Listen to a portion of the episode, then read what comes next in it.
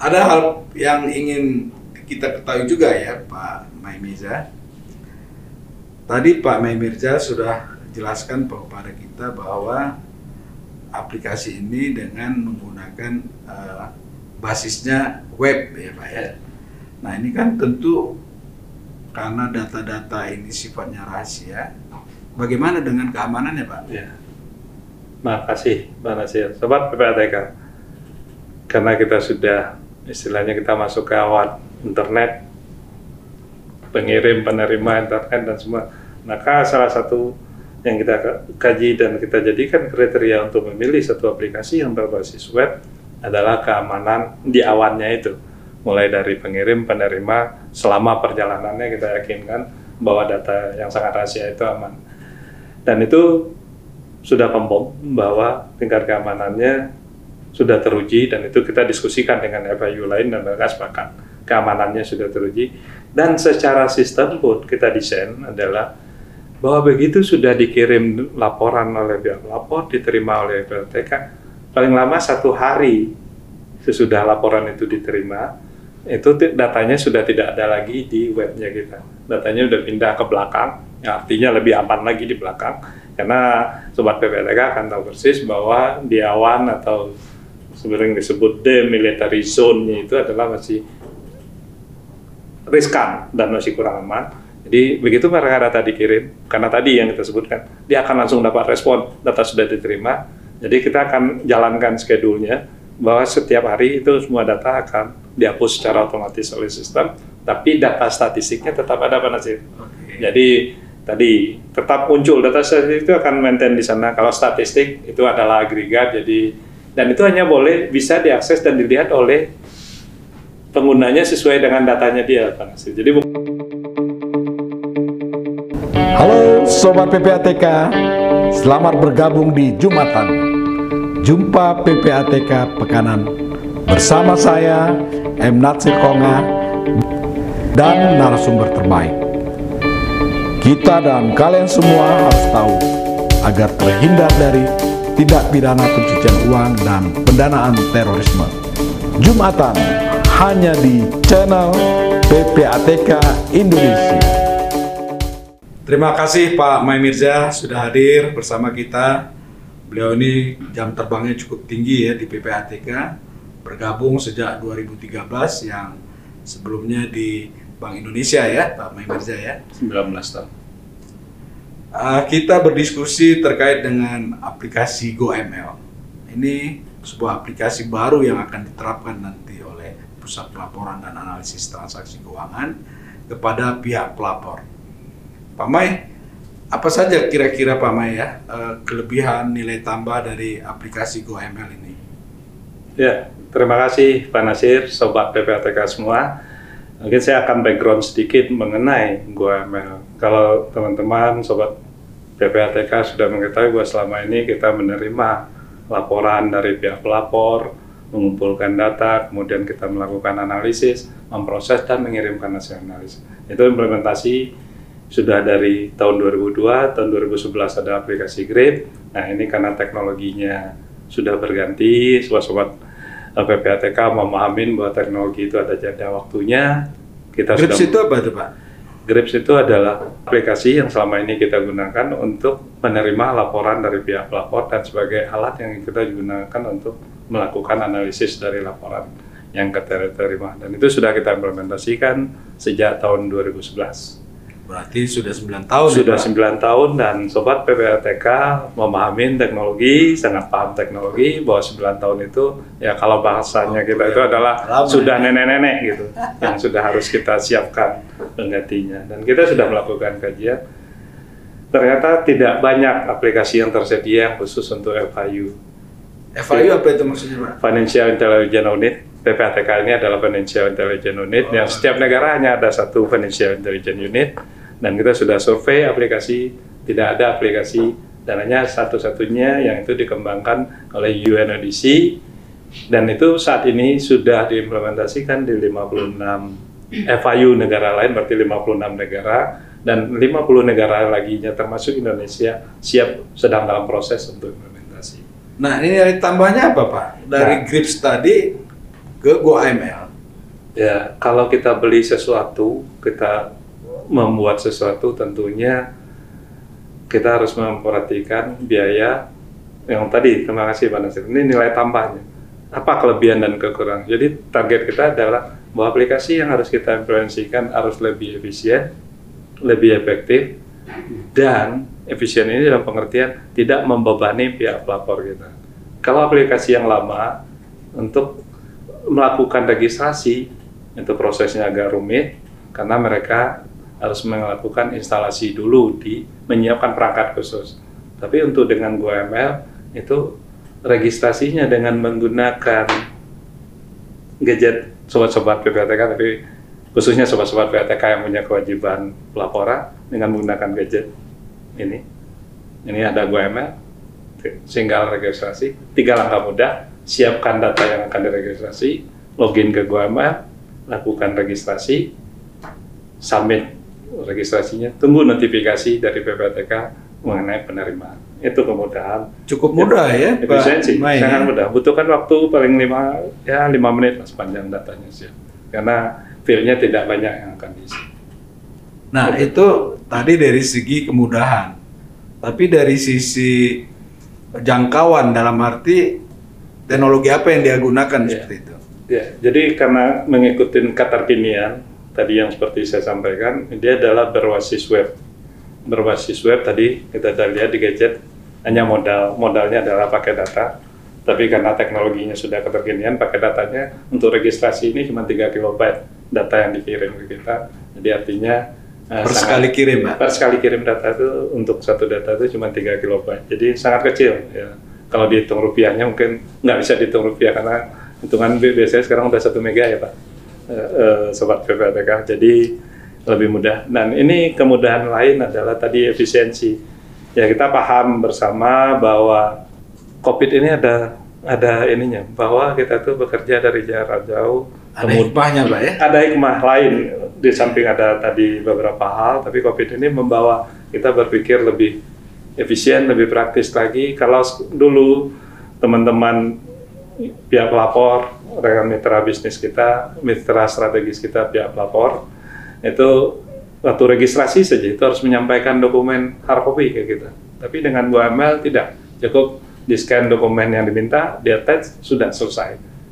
Nah ini baru dari sisi satu registrasi aja karena satu lagi hal lain adalah memudahkan mitra kita yang lain adalah eh, tadi seperti saya sampaikan di depan bahwa proses standarnya FIU itu PPATK itu di seluruh dunia itu adalah mengumpulkan data, melakukan analisis dan menyampaikan.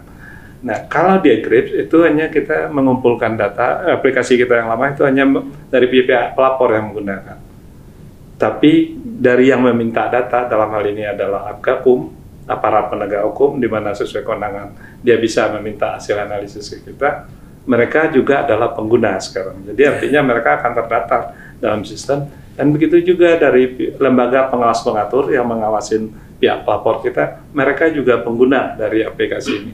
Jadi Bank pihak Indonesia, Bank Indonesia, OJK gitu, ya? bis- akan menjadi pengguna dan mereka akan bisa melihat, mengawasi berapa banyak laporan yang disampaikan oleh pihak pelapor. Jadi kita tidak akan nanti kalau misalnya LPP ini berapa banyak mereka mereka akan suratin kita, tapi karena nanti mereka pengguna, jadi tidak perlu surat menyurat, silahkan lihat sendiri. Misalnya Bank A ngirim laporan itu berapa banyak, mereka anytime bisa ngelihat. Oke, sobat PPATK, perlu sobat PPATK ketahui bahwa pihak pelapor itu ada penyedia jasa keuangan atau kadang sering disebut dengan PJK, ada bank, insuran, pasar modal dan lain-lain. Juga ada penyedia barang dan jasa. Penyedia barang dan jasa ini eh, seperti eh, pedagang perhiasan ya, kendaraan bermotor, kemudian Properti. ya, Ya. agen properti dan juga ada profesi ya Pak Profesi Mai, ya. advokat, Advokat, akuntan, akuntan. ya. Nah, ini kan dari grip tadi Pak Mai ke GoAML. Secara kapasitas mana yang lebih eh, lebih baik gitu atau Pak Mai bisa lebih jelaskan secara Ya. detail ya Pak ya. Ya, sobat sobat PPATK. Jadi ini agak lebih agak teknis sedikit, tapi tidak apa-apa karena ini sebenarnya lebih berbicara mengenai IT, teknologi informasi yang sobat-sobat PPATK sangat memahami itu karena sobat-sobat PPATK tidak bisa lepas. Dompet boleh tinggal, tapi kalau gadget nggak boleh tinggal. Itu kata anak-anak milenial sekarang Iya, mana iya, sih. iya. Jadi konteksnya adalah ini teknologi, kapasitas teknologi, kita mengimplementasikan teknologi terkini. Kapasitas kita sudah saat ini kami sedang melakukan uji coba terhadap ini. Beberapa pihak pelapor yang tadi sedang disebut, sudah disebutkan Pak Nasir, bank 110 bank sudah melakukan uji coba dan dari uji coba yang kita namanya development server itu kapasitas development kita itu hanya seperempat atau mungkin tidak sampai seperempat dari yang sudah kita pasang untuk production. Di production itu adalah nanti kalau uh, GoML sudah go live itu kapasitas. Yang 110 bank yang adalah pihak pelapor kita utama itu itu tidak ada masalah Pak Mansur Ya, jadi lancar. Itu pernah dilakukan secara internal kita uji coba. Itu mengirim laporan sebanyak 1000 laporan. Itu hanya butuh waktu proses sekitar kurang dari 10 detik mereka dan lebih bagusnya sekarang aplikasi ini adalah begitu mereka mengirim laporan bank akan pihak pelapor akan secara otomatis mendapat notifikasi laporannya ada yang diterima atau ditolak dan itu semua akan dinotifikasikan ke email pada waktu dia registrasi. Jadi pada waktu registrasi ini email menjadi mandatory, wajib diinput email itu, tapi email perusahaannya. Tapi karena itu adalah grup email dari mereka, jadi pihak pelapor itu, petugas pelapor itu bisa mendapat notifikasi, tapi bukan mengirim datanya, cuma notifikasi bahwa Anda, laporan Anda sudah diterima, tapi datanya tetap di sana. Dan ini yang eh, eh, kemudahan yang diberikan karena banyak eh, kondisi sebelumnya kita merasa ada pihak pelapor kami sudah ngirim tapi kok tidak ada respon. Nah ini kita akan otomatis dia akan dapat kalau semuanya diterima dia akan dapat semacam surat tapi itu akan otomatis di-create oleh sistem Iya. laporan Anda diterima semuanya atau kalau ada yang kurang mungkin salah karena ada bisnis rule yang kita pasang di dalam aplikasi misalnya kurang ini nanti dia akan dapat juga laporan Anda nom- yang nomor sekian ditolak karena kurang ini. Jadi pihak pelapor diberikan kemudahan untuk memperbaiki laporannya dan cuma mengkonversi ulang dan mengirimkan lagi. Oke. Dan itu kita harapkan memudahkan kerja pihak pelapor.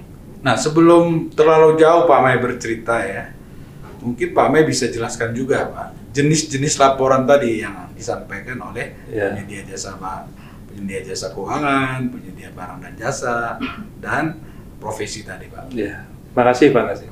Ya mungkin eh, untuk pemahaman sobat PPATK bahwa laporan utama yang diterima oleh PPATK adalah laporan transaksi keuangan mencurigakan.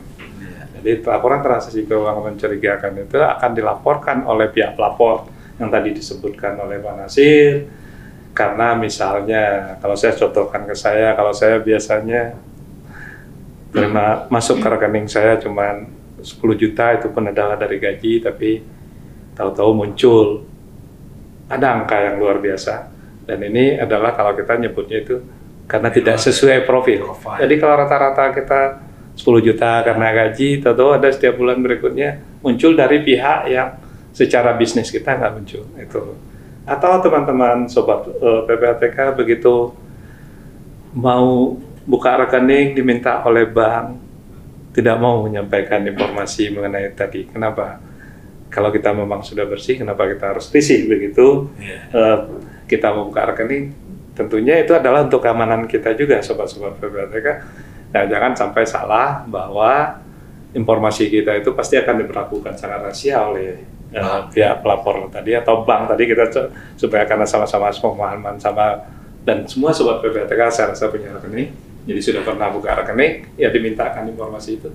Nah, itu kalau sobat PPTK menolak memberikan informasi itu dan pihak pelapor juga akan melaporkan ke kita bahwa ada aktivitas yang mencurigakan. Itu Jadi namanya mereka menyampaikan laporan transaksi keuangan mencurigakan keuangan mencurigakan. karena menyimpang ya Pak ya. Menyimpang dari kebiasaan atau profil transaksi dari sobat-sobat PPTK. Kemudian laporan lain apa itu Pak? Laporan lain yang rutin kita terima adalah itu namanya laporan transaksi keuangan tunai. Apa itu laporan transaksi keuangan tunai?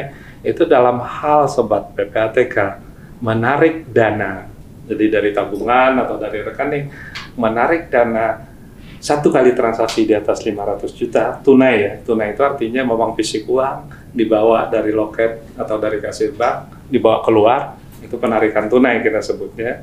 Lebih dari 500 juta untuk satu kali transaksi atau pada hari yang sama sobat-sobat menarik beberapa kali transaksi tapi nilainya di atas 500 juta itu akan dilaporkan oleh pihak pelapor dalam hal ini bank bahwa sebagai laporan transaksi keuangan tunai baik menarik maupun menyetor diberlakukan sama akan dilaporkan ke kita. 500 juta per hari ya Pak ya? per hari satu kali transaksi atau beberapa kali transaksi.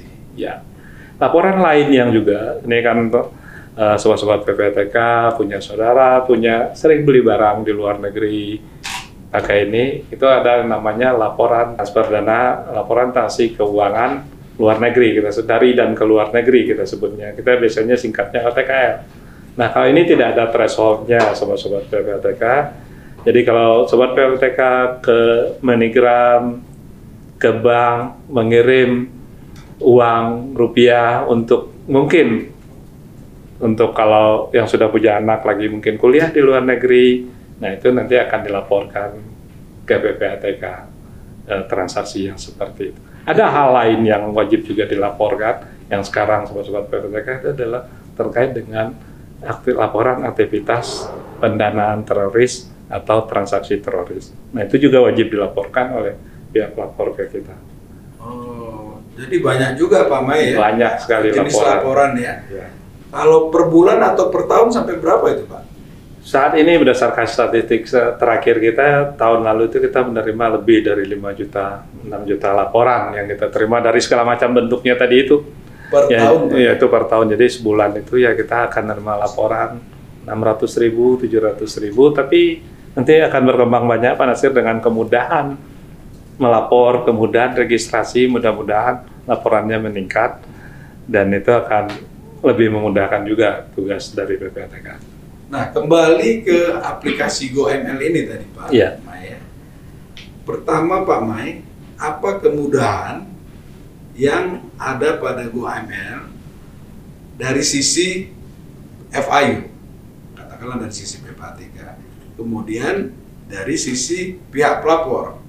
Tadi sebenarnya sudah secara singkat dijelaskan, mungkin bisa lebih konkret nih Pak Mai, Iya. supaya sobat PPATK paham benar ini. Terima kasih Pak Asid. Ya, jadi mungkin kemudahan ya itu salah satu prinsip kita dan kita semua Pak. Kita akan pindah dari satu gadget ke gadget lain karena penawaran terkait kemudahan ini. Nah, dalam konteks mengimplementasikan aplikasi GoML ini, kemudahan itu merupakan salah satu prasyarat. Tadi saya di awal sudah menyampaikan kemudahan registrasi. Pakai gadget, silakan registrasi, siapkan dokumen yang disarankan. Nah, tentunya dengan pelaporan juga begitu. Jadi kita bahas, jadi kemudahannya tidak hanya untuk pihak pelapor. Tapi LPP juga, Iya. Abgakum yang menerima data juga, tentunya untuk PPATK sendiri. Nah, Jadi saya kasih contoh. Kemudahan tadi karena berbasis web untuk pihak pelapor, itu berbasis web. Sebenarnya kita menyiapkan buku pedoman panduan untuk bagaimana mengimput data, tapi di dalam web walau eh, sobat-sobat eh, biasa itu sudah ada petunjuk-petunjuknya. Kalau file ini di siapa sudah ada informasinya di sana yang pop up gitu akan terlihat pop up. Jadi misalnya nomor rekening agar diisi nomor rekening, nomor induk kependudukan diisi dan itu sangat mudah dan itu ada navigasinya sangat mudah. Nanti pada sesi berikutnya nanti eh, pertemuan lagi kalau kita akan mau berbicara lebih teknis kita akan bisa memperlihatkan betapa mudahnya menyampaikan laporan oleh pihak pelapor. Jadi ada buku pedoman kita siapkan tapi dengan membuka POM karena dia berbentuk POM itu sangat memudahkan pihak pelapor. Nah itu dari si, si pihak pelapor. Dari sisi Abgakum, dari sisi yang meminta informasi mereka tadi seperti yang saya sampaikan juga adalah pengguna dari aplikasi ini.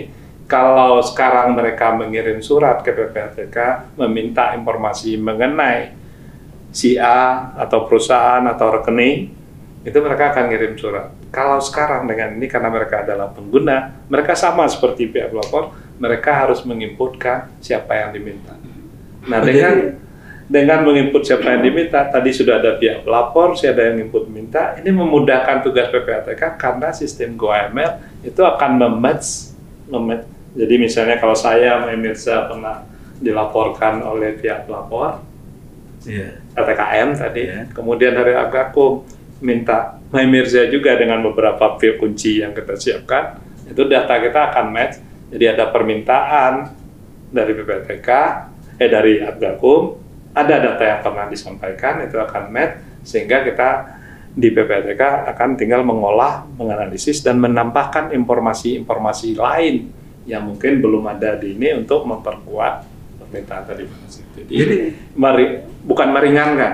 Jadi kita akan fokus pada analisis. Jadi mengurangi pekerjaan-pekerjaan manual yang dilakukan oleh analis-analis PPLK. Jadi Pak Mai, aparat penegak hukum bisa mengakses aplikasi yang ada, Akses mengakses ini dalam pengertian meminta secara online. meminta ya, secara bukan, mengakses data kita Masuk ada. Kategori data. data. kita adalah sangat rahasia. Iya. Dan Itu adalah data dari pihak pelapor yang kita kelola sangat rahasia, sangat strict. Tidak semua analis bisa mengakses. Kita akan batasi, hanya bisa melihat, hanya bisa menambah dan segala macam itu sistem kita akan membatasin itu. Jadi ini ini mengirim. Jadi tadi mengurangi hidup digital tadi. Jadi kalau mengirim surat berarti kami harus analis harus input, nyari dan segala Manual macam. ya? Manual. ya kalau bisa eh, sobat-sobat PPATK bayangkan birokrasi kita. Iya, iya. Keluar surat dari sana jatuh ke kepala PPATK dan Dari birokrasi waktu- turun. waktu dan Sementara juga- yang sobat-sobat PPATK perlu pahamin dalam pencegahan eh, pencucian uang maupun pendanaan teroris itu kecepatan adalah Jadi mutlak. menjadi mutlak karena ya sobat PPTK sekarang wah ini sedang diintip diintip eh, diintip PP ya dengan gadget bisa memindahkan dengan segera. Nah, maka kecepatan waktu kerahasiaan itu menjadi mutlak. Jadi tidak karena diminta akan diproses secara sistem langsung akan diolah. Jadi kita akan tingkat kerahasiaan, tingkat keamanan data dan informasi kita implementasikan sepenuhnya di sistem yang sudah kita siapkan ini. Jadi pihak pelapor tidak usah khawatir, sobat-sobat PPATK pun yang punya rekening juga tidak usah khawatir. Kalau tidak ada masalah, tidak ada yang perlu kita khawatirkan. Kalau bersih, kenapa harus risih? Kalau bersih, kenapa harus bersih? Karena ada tadi laporan tunai itu bukan salah. Iya, iya, iya. Ada LTKM itu belum tentu masalah. Jadi jangan khawatir kalau ada permintaan itu bukan sesuatu yang perlu dikhawatirkan. Sobat Gitu. PPATK, Pak Mai tadi sebut aparat penegak hukum ya. Undang-Undang Nomor 8 Tahun 2010 menyebutkan aparat penegak hukum itu adalah polisi, jaksa, KPK, bea cukai, pajak, BNP, dan BNN ya. BNN dan BNPT, Badan Narkotika dan Nasional. Pendanaan Teroris. Nah, selain yang di, di dimaksud oleh Undang-Undang 6 tadi penegak hukum, aparat penegak hukum, ada lain Pak yang bisa mendapat ataupun meminta informasi dari eh, PPATK. Ya, sesuai dengan undang-undang tadi juga, Iya. saya lupa pasalnya kalau tidak salah pasal 90 91 itu. Itu bahwa pihak lain sesuai dengan ketentuan perundang-undang tadi juga bisa meminta informasi kepada PPATK misalnya kementerian lembaga dalam hal ini juga bisa minta informasi sesuai dengan kebutuhan dan yang dipersyaratkan dalam ketentuan perundang-undangan tadi. Maka PPATK juga punya yang namanya MOU memorandum nota memorandum of understanding nota kesepahaman. Iya. itu salah satu prasyarat. Nanti tidak semua informasi juga bisa di sharing atau dibagikan. Ini akan dilihat kasus per kasus. Jadi seperti tapi yang Seperti, yang tadi yang ya. disebutkan yang enam pertama tadi adalah klien utama. Jadi nanti di dalam GoML karena frekuensi dari yang enam tadi adalah lebih banyak mereka adalah sebagai pengguna. Nanti Iya. kita akan atur apakah penggunanya itu misalnya kejaksaan agung jaksa tadi apa penggunanya akan adminnya ya, adminnya akan dipusatkan di kejaksaan agung atau mereka akan distribusikan ke tingkat provinsi dan segala macam begitu juga dengan pol kepolisian apakah akan diadminkan di Polda itu sedang pembahasan kami dengan Jadi uh, Abgakum.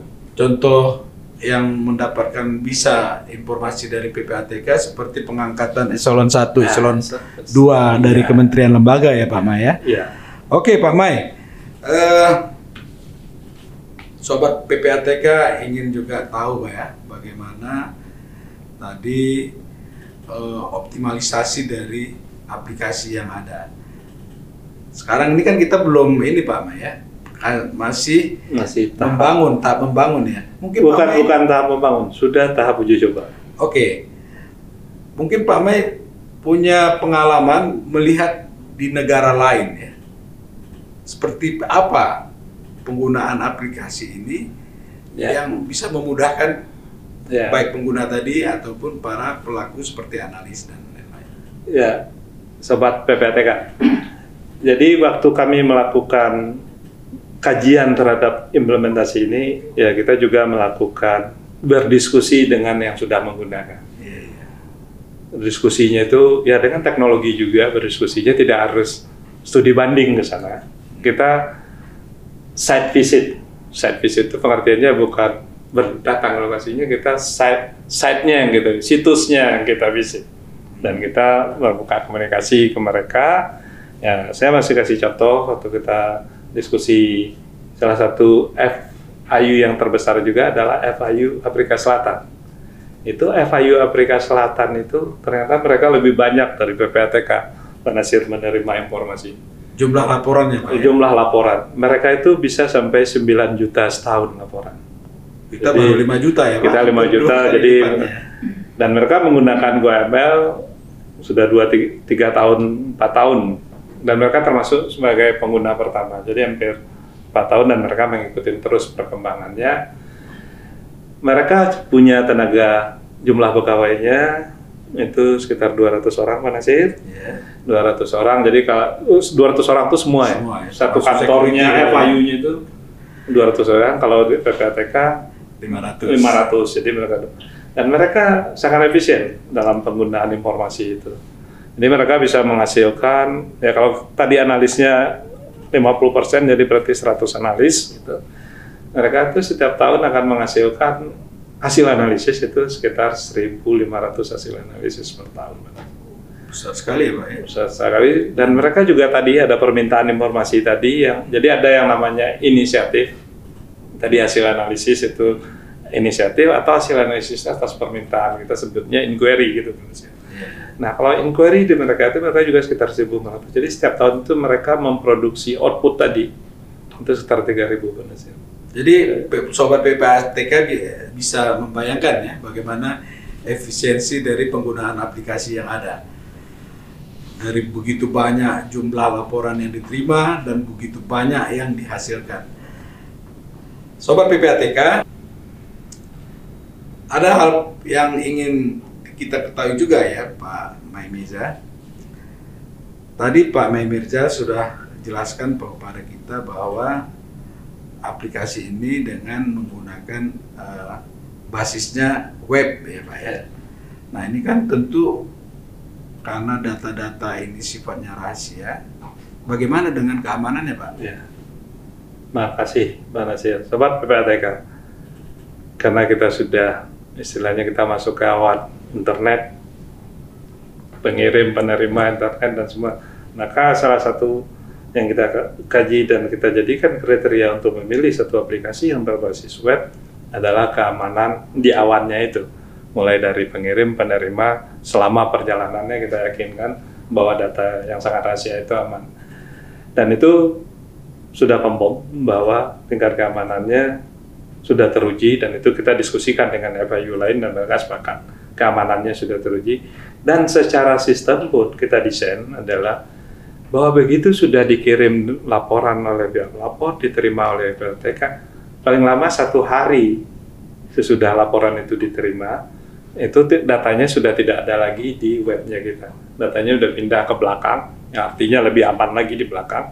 Karena sobat PPTK akan tahu persis bahwa di awan atau sebenarnya disebut demilitary zone-nya itu adalah masih riskan dan masih kurang aman. Jadi begitu mereka data dikirim, karena tadi yang kita sebutkan, dia akan langsung dapat respon, data sudah diterima.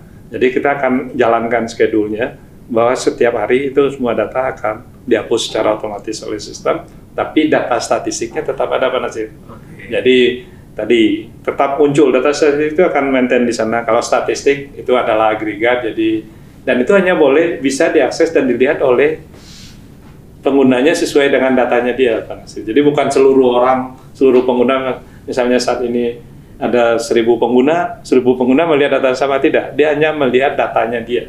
Jadi misalnya Bang Al udah ngirim 1000 ATKM, jadi hanya bisa ngelihat 1000 ATKM, 1000 LTKT dan seterusnya, dan itu silakan mereka mau digrafikan, itu fasilitasnya ada. Jadi datanya kita mudah-mudahan. Tapi dalam akan kita implementasikan nanti per 1 Februari 2020, 21, sebelum itu kita akan uji lagi Pak Nasir. Jadi benar-benar sudah aman, nanti kita Iya. minta eh, BSSN Oke. security-nya yang bertanggung jawab terhadap security ini untuk me- mempenetrasi masa penetrasi penetration test atau stress test akan dilakukan oleh badan itu sehingga kita benar-benar yakin bahwa sistem ini benar-benar aman sebelum kita implementasikan. Kan ada jeda satu hari itu Pak Mai kan. Ya, Nah ini ketika di awan tadi Pak, di awan-awan itu Gimana? kalau di awan tidak mungkin. Eh, Kalau di awan dia karena sudah dienkripsi, Oke. itu tidak ada masalah. Tapi untuk menambah keamanan tadi, pokoknya datanya kita hilangkan dari server kita yang di depan itu. Iya. Ini kan ada firewall, firewall dan segala macam yang di depan ini kita amankan. Kalau ke belakangnya kita firewallnya, insya Allah berlapis yang nanti akan diuji oleh badan yang berkompeten itu ya. apakah benar-benar sudah aman. Tapi kalau belum aman nanti kita akan perbaikin keamanannya sampai kita yakin itu aman, kita baru go live. Oh, Jadi terima kita kasih. siap untuk mengamankan data yang sangat rahasia ini tidak digun- disalahgunakan oleh para pihak yang tidak berkepentingan. Terima kasih Bang. Terima kasih Pak Mai karena memang keamanan data ini sangat-sangat penting karena ini juga menyangkut kepercayaan ya Pak Mai ya.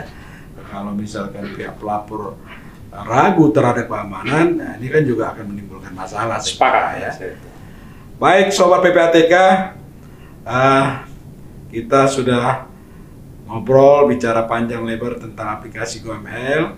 Ah, semoga apa yang disampaikan oleh Pak Mai Mirza ini mendapatkan manfaat. Jumpa lagi kita di Jumatan. Kalau bersih, kenapa harus bersih?